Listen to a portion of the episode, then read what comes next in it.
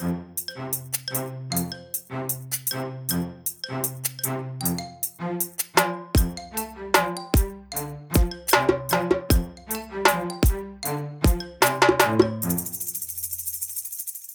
välkommen tillbaka till Stacken tillsammans med mig, Daniel Gustafsson och Kim Hindart. Hubba. Idag Kim, kul sak har hänt. Vi fick ett brev från en lyssnare som hade lite frågeställningar och vi ska prata om det. Och sen så ska vi prata lite om riskbedömningar mellan betaltjänster och eh, lite andra förutsättningar, länkar i mejl som kommer pseudonymiserade med nedladdningsbara filer hur bra är det egentligen? Var ska vi börja någonstans? Ska vi börja prata betaltjänster? Vill du göra det?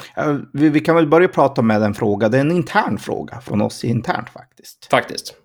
Hur gör man egentligen en, en bedömning mellan vad som är okej okay och inte okej okay mellan olika typer av tjänster? Exempelvis om vi ska, som den här frågeställningen som vi då fick av en kollega som ställdes. ja, men hur ska man ställa, ställa sig typ att vi säger nej till att använda en viss typ av betaltjänst exempelvis? Kontra att använda en eh, malware lösning som man kan också då konstatera att ja, men de kommer från samma sida kontinenten. Varför säger vi nej till en viss publik betaltjänst kontra använder en malware-lösning som skulle potentiellt kunna ha backdoors till NSA och sådana saker? Och just en öppen fråga, men hur ska vi ställa oss till det här? Ja, precis. Och då kan man ju börja med att förklara lite grann. Anledningen till varför vi tittade på just en betaltjänst, det var alltså att kunna ta eh, emot nätbetalningar. Mm den tjänsten i sig driftas i då så att säga en av hyperscalers. Mm. Så där per automatik så lämnar du ut, ut tre, eh, personuppgifter till tredje land. I USA det, i detta fallet. Då, så, mm. så du exponerar dem för en tredje landsöverföring. Mm. Och ur ett rent GDPR, PR-perspektiv så gör vi ju då facto att det är fullt lagligt, det är okej okay för att vara tydlig man kan kräva det i just affärsrelationen och avtalet att kunden måste, gå med på det. Men med tanke på att vi är det bolag vi är och vi sitter här i stacken och pratar mycket om det här så är det ju ett visst PR-perspektiv att vissa kunder kanske tycker så här, mm, varför tvingar ni oss för att vi ens ska handla tjänster av er? Att vi ska skicka våra personuppgifter till tredje land. Mm. För att i en betaltjänst, du kan så att säga inte hemliggöra eller anonymisera personuppgifterna där. Det blir lite svårt. Det motverkar själva konceptet med betalning så att säga. Så att där är det bara en ren sån här eh, PR-grej där du är tvungen att göra det här ur ett GDPR-perspektiv. Men för att vara tydlig, det är lagligt GDPR-mässigt. Men det blir bara att det blir ett sånt där medgivande vi måste tvinga våra kunder då att säga att hörde ni, för att ni ens ska få konsumera vår tjänst så kommer vi att tvinga er att lägga in personuppgifter som vi överför till tredje land. Mm.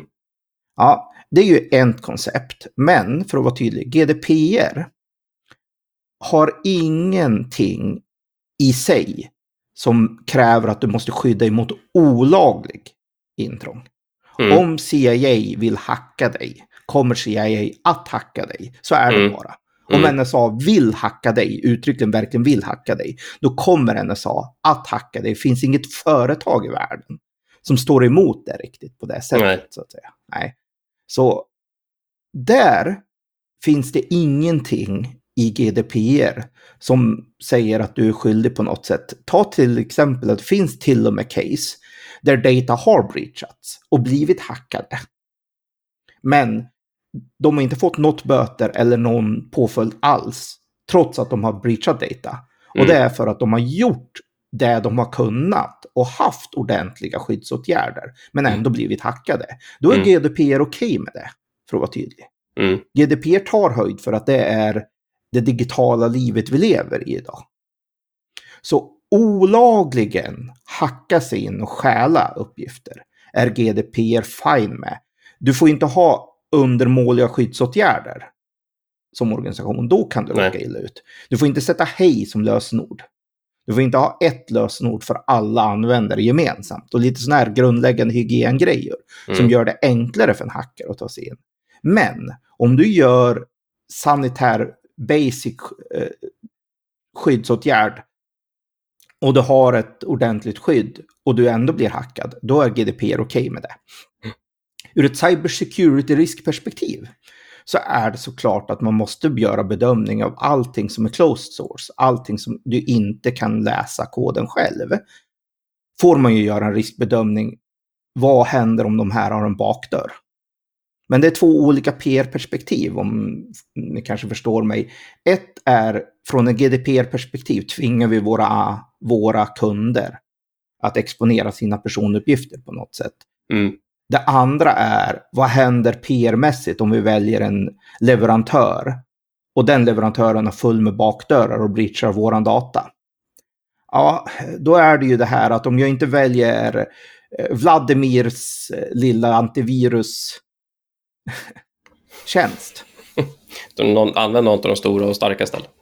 Ja, mm. utan om man använder en väletablerad, väldigt stor tjänst. Mm. Ja, det faktum att de ligger i Kalifornien, ja visst, det gör de. Mm. Applikationen du installerar på din dator är en Phone Home-applikation. Ja, det är den.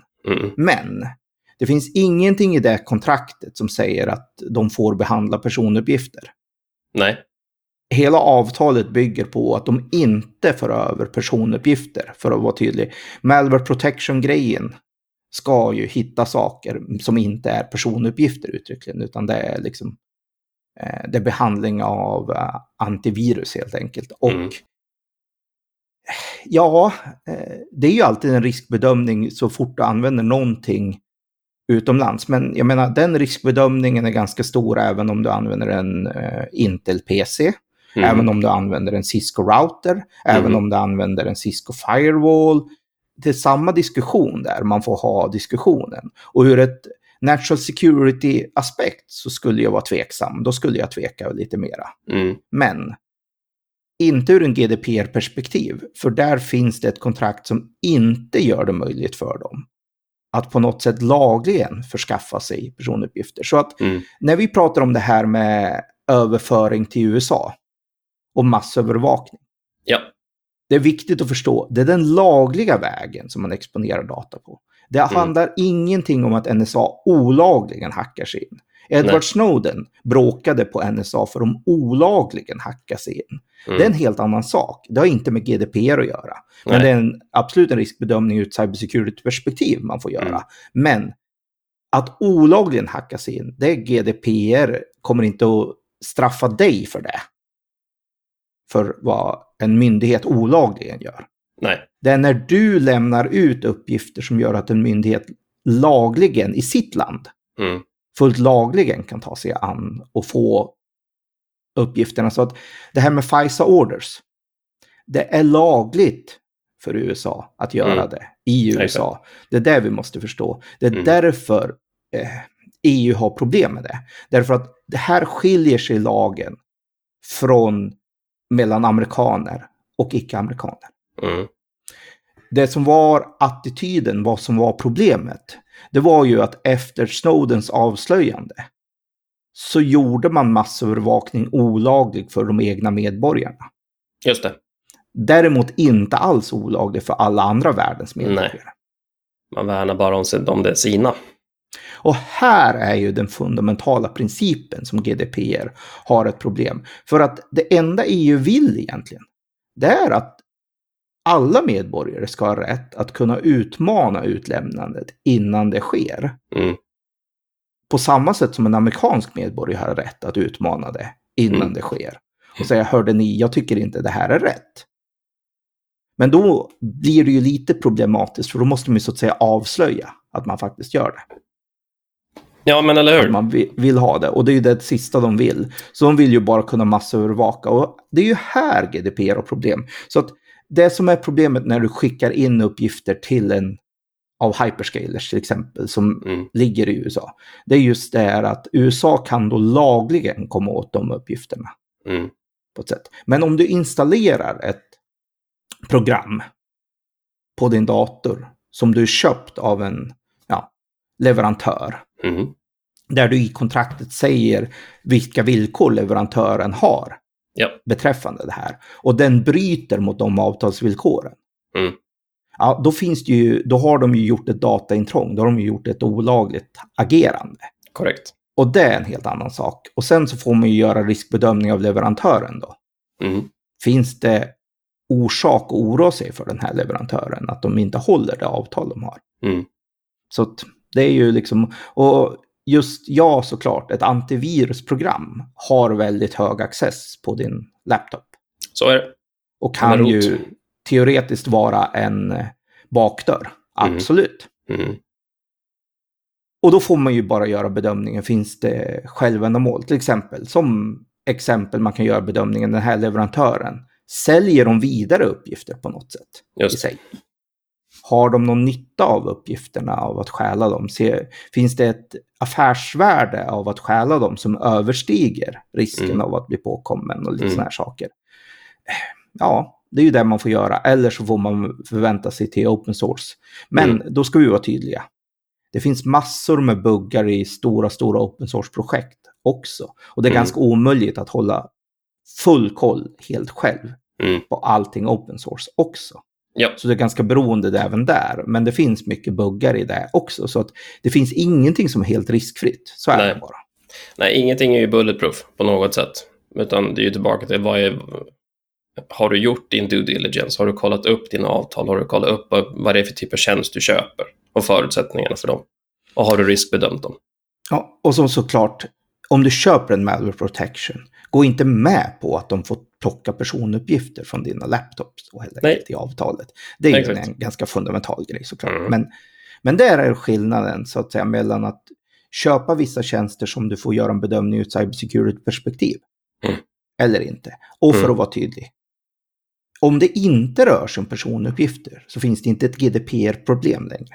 Nej, Det kan finnas ett cybersecurity-problem, absolut. exakt. Det kan finnas Men- andra lagar som kommer in helt plötsligt. Ja, Men det finns inte ett GDPR-problem. nej. Och sen får man ju alltid göra den riskbedömningen. Vad är risken då att inte ha ett antivirus och malware protection alls? Mm. Jämfört med att ha ett och det bolaget går rogue och breachar din data.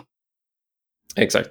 Det enda jag vet är att om vår malware protection blir breachad så är vi inte ensamma i en stor fet claim mot dem. Om Mm. hörde ni. Så det, men absolut. Allting är en risk i, i världen och som man säger, att leva är en risk som har 100% dödlighet. exakt. Så vi förstår det bara. Ja, Mm. exakt. Och någonstans Men, där eh, så har vi problem. Mm. Jag hoppas att det förklarade lite de olika problemställningarna och Mm. framförallt just det här med att överföring till tredje land och framförallt USA. Det handlar om att de lagligen kan anförskaffa sig uppgifter då. Mm. Olagliga grejer, det räknas inte in riktigt i GDPR i den bedömningen, så att säga. Utan det här handlar ju om att skickar jag de mina uppgifter till det här landet, finns det risk att det landets lagar kan exponera. Och det var ju Mm. precis det här Privacy Shield försökte bygga ett skydd mot. Mm. Men vilket var ju lite naivt att tro att det skulle hjälpa. Eftersom nationella federala lagar trumfar alltid affärsavtal. Mm. Så att tro att du kan avtala att man inte ska läcka saker till en myndighet är också ganska naivt. Det går inte. Mm. Och det är lite roligt, det finns så här, hyperscalers har ju på sistone börjat ge ut eh, fina eh, specialprogram där de lovar att de ska utmana myndighetsbeslut så mycket de kan. Ja, det är ju starkt att lova det. Men det är exakt så mycket de kan också. Det vill Mm. säga inte alls. En myndighet kan ge en direkt order. Ni ska lämna ut det här, ja då har de inget val. Visst, de kan försöka överklaga det i rätten, men de Mm. måste fortfarande lämna ut det. Och framför allt om du lämnar ut någonting i enlighet med FISA, Mm. då får du inte berätta det för dem du lämnar ut det om. Nej. Det är ett non-disclosure, en gag order på det. Mm. Du får inte ens berätta, så att hela den principen försvinner väldigt mycket då. Men det är inte det eh, viktigaste. Det viktigaste är fortfarande, som vi har sagt också lite grann, det är rent civilrättsliga processer. Det är väldigt vanligt i civilrättsliga processer att rätten ger dig en gag order, det vill säga du får inte berätta det här, för de vill inte ha mediastorm runt omkring det. De vill inte riskera att eh, bolag börjar, ja så att säga, dra sina dokumentförstörare på högvarv. Så att där är det också så att utlämnandet sker. Och det är i fullt strid med GDPR, inte ens en amerikansk rättsinstans. Om det bara så en domare i USA Mm. får läsa någonting som har med personuppgifter att göra utan att det har gått via ett bilateralt avtal. Det är GDPR tvärtydlig med. Mm. Det har inte USAs civilrättsliga process minsta hänsyn till. Nej. Så de kan säga, jag som domare vill läsa de här dokumenten unredacted och Mm. du ska ge mig dem och du får inte berätta för andra Mm. parten att du har gett mig dem. Nej. Punkt. Exakt. Och det är väldigt vanligt före- förekommande. Och den får inte de som faktiskt har blivit utlämnade reda på. Någonsin Exakt. eventuellt, om det inte går vidare. Mm. Men det är fortfarande jättestrid mot GDPR. Mm. Så att här är olika fundamentala rättsinstanser ett problem. Och det är det du som användare idag eller eh, controller av personuppgifterna, ansvarig för Mm. personuppgifterna, måste göra en bedömning på. Mm. Och det är alltså den lagliga risken i det landet du lämnar ut uppgifterna till. Varför är inte det här problem inom EU då? Ja, där gäller GDPR som lag. Ja, det är grundlag. Så att, Vi har inget val. vi har inget val. Så Nej. att, det är inte ett sånt problem inom, inom Nej. EU. Det är precis därför du har den som gemensam lag för Men för att vara EU. tydlig, det var ju lite därför GDPR kom till, för vi hade ju konkurrens, eller konkurrerande datalagar inom Europa förut också, som inte var förenliga med varandra.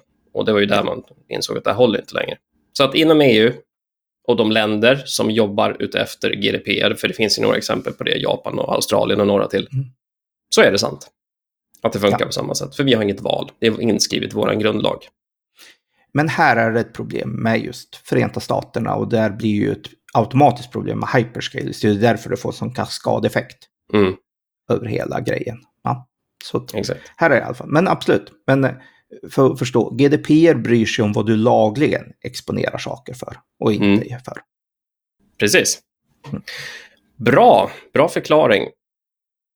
Men det är en relevant fråga, för jag, jag tror många just handlar ja, men varför, han- varför tänker man på sättet X?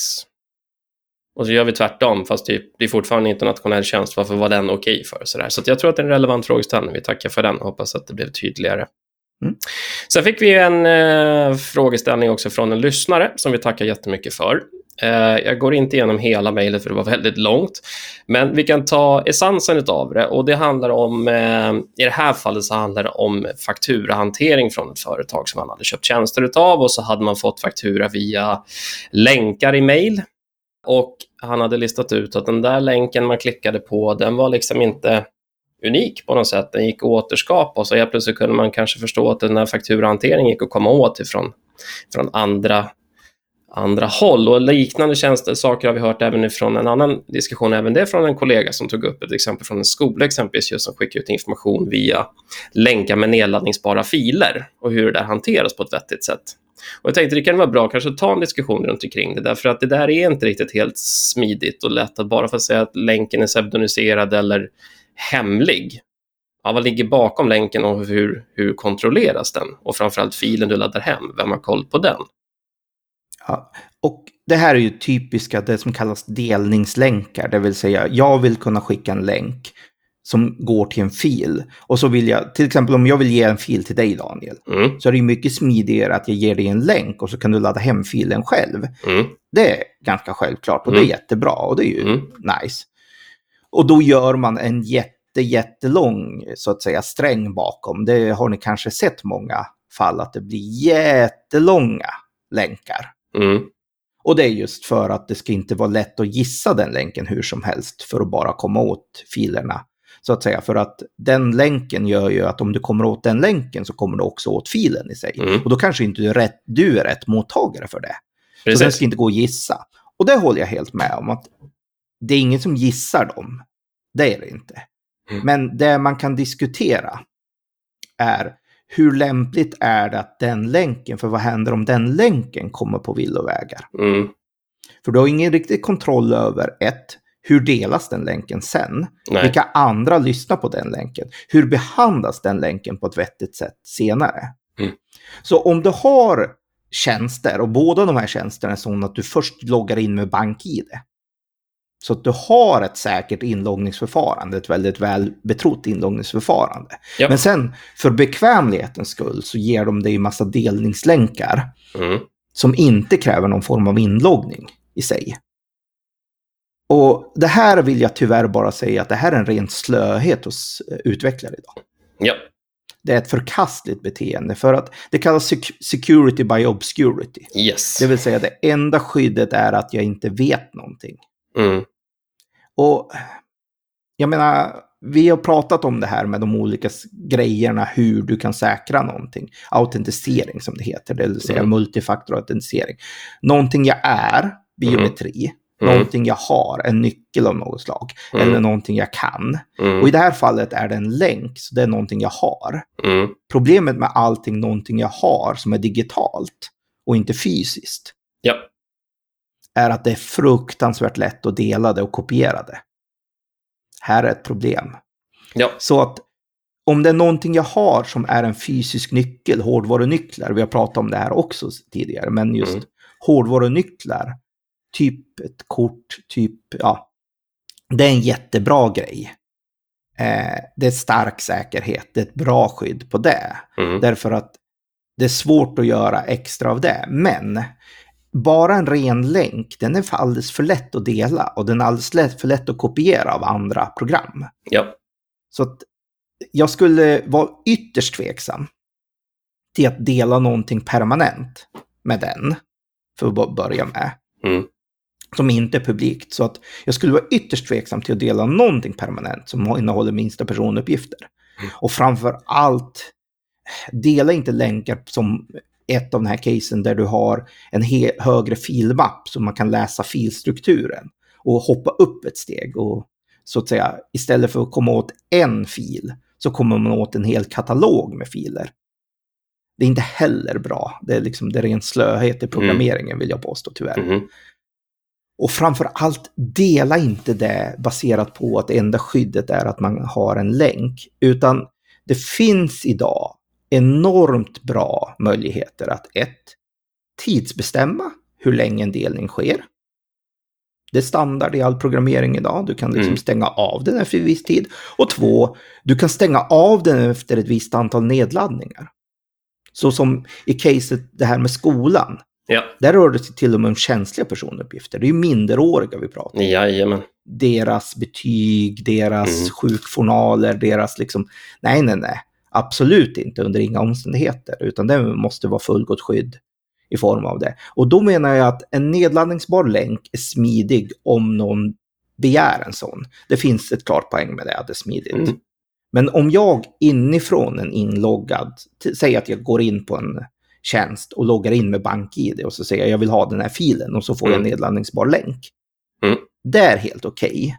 Men då ska den länken antingen gälla ett maxantal nedladdningar. Så när jag laddar ner den en gång, Då Då funkar funka inte längre. den länken. Nej, precis. nej. Eller två, den länken ska stängas av av sig själv inom en viss tid. Och så måste jag Ja. logga in på nytt för att Exakt. begära en ny länk. Mm. Ja, det blir lite krångligare, men vet ni vad? I en digital värld när vi ska skydd, det är så det är. Mm. Jag håller med om att det hade ju varit bekvämt att inte behöva ha lås på min ytterdörr. Ja. Varför ska jag ha lås på min ytterdörr? Jag kan bara stänga den och så öppnar jag Mm. den när jag behöver. Det är mycket bekvämare. Mm. Men vi lever tyvärr inte i en sån värld, i alla fall inte skulle jag gå utanför mitt hus utan att låsa ytterdörren. Jag vet att det finns orter i Sverige där man bara kan göra det, för det är inga problem. Det finns länder, Kanada gör inte det. Ja, exakt. Ja, ja, nej, jag vet. Där har man inga tjuvar. Eh, Ja. Inte ens när man går hemifrån. Men Nej. jag skulle inte gå hemifrån min lägenhet utan att låsa ytterdörren. Nej. Så jag vet inte vad du säger. Men Nej, absolut inte. Och, jag menar, och det här är tillbaka till att, att anpassa en säkerhetsnivå till en slutanvändare för att de tycker det var jobbigt är inte en motiv om det finns en orsak till att skydda den information som ligger där. Är den helt irrelevant, är det lunchlistan på jobbet, vet du vad, jag bryr mig inte. Men till din poäng, om det är typiskt skolan med, som i det här fallet då, som vi fick till oss, en skola som skickar ut information om barn, ja, då är det minderåriga. Är det som vår lyssnare som skickar in sitt case, fakturahantering, ja, då är det ju också uppgifter som gör att jag kan få tag på en faktura jag kan göra massa kul saker. Det finns bra Mycket- information på en sån som jag skulle kunna dra nytta av i ett skadligt perspektiv. Och då finns det en orsak att anpassa säkerhetsnivån till en relevant säkerhetsnivå. Inte för att slutanvändare tyckte det var jobbigt, alltså tog vi bort allting. Tyvärr hör vi det ibland. Vi har inga lösningar på våra datorer för våra slutanvändare tycker det är jobbigt. Ja, det kan man tycka. Men kom inte och gnäll sen när saker och ting läcker. Och framför allt, ni kommer att få stryk av Datainspektionen om saker läcker och någon anmäler er för det. För så är det bara. Ja, och det länkar ju bra till- tillbaka till din första eh, utlägg där om generellt om att om du inte har en tillräckligt god säkerhetsnivå på din verksamhet, då kommer tillsynsmyndigheter bli irriterade. Ja. Har, du, har du däremot gjort allt du tänkas kan och du fortfarande är det som du sa, någon bryter sig in och snor, ja, då har man mycket mer att de, de ser på den situationen med snällare ögon, om jag säger så. Det är lite som, tänk ett försäkringsbolag. Om du har en liten affär och sen låser du den med ett sånt här ordentligt galler. Mm, Då kommer försäkringsbolaget säga, ja, ja, fair enough, du har gjort de skydd vi har begärt av dig. mm, Och här får du din försäkring. ja, Kontra, säg att du inte låser det efter dig mm, och har en guldaffär. Och på natten så bryter de sig in genom att krossa bara ett glasruta och sen ta sig in. mm. Försäkringsbolag kommer ju inte kompensera dig lika mycket. Nej. Det är samma förfarande i ett riskbedömning här lite grann. Mm. Så att säga. Så det är det som är värt att förstå. Så, ja. Mm. Mm. Ja, men det är bra. Hoppas eh, det var en eh, god respons på i vart fall just det inlägget. Men det är, en, det är en relevant diskussion att ta upp. Har ni frågor till oss, vill ni prata med oss, vill ni kontakta oss, så gör ni det på citynetwork.se podcast. Där kan ni ställa frågor, ni finner, finner information till länkade episoder och så vidare. Vi har eh, några veckor kvar till jul. Nästa vecka har vi ett avsnitt till. Då ska vi prata lite boktips. Och sen så stänger vi butiken för jul och nyårsledigt och så återkommer vi efter jul och nyår. Men vi har ett avsnitt till, så se fram emot det. ska vi få massa inspiration att lyssna på nu i Covid-19-tider när ingen får träffas på julafton kan det vara bra att ha en god bok att ha med sig i sällskap istället. Så tills dess så hörs vi. På återhörande. Hubba!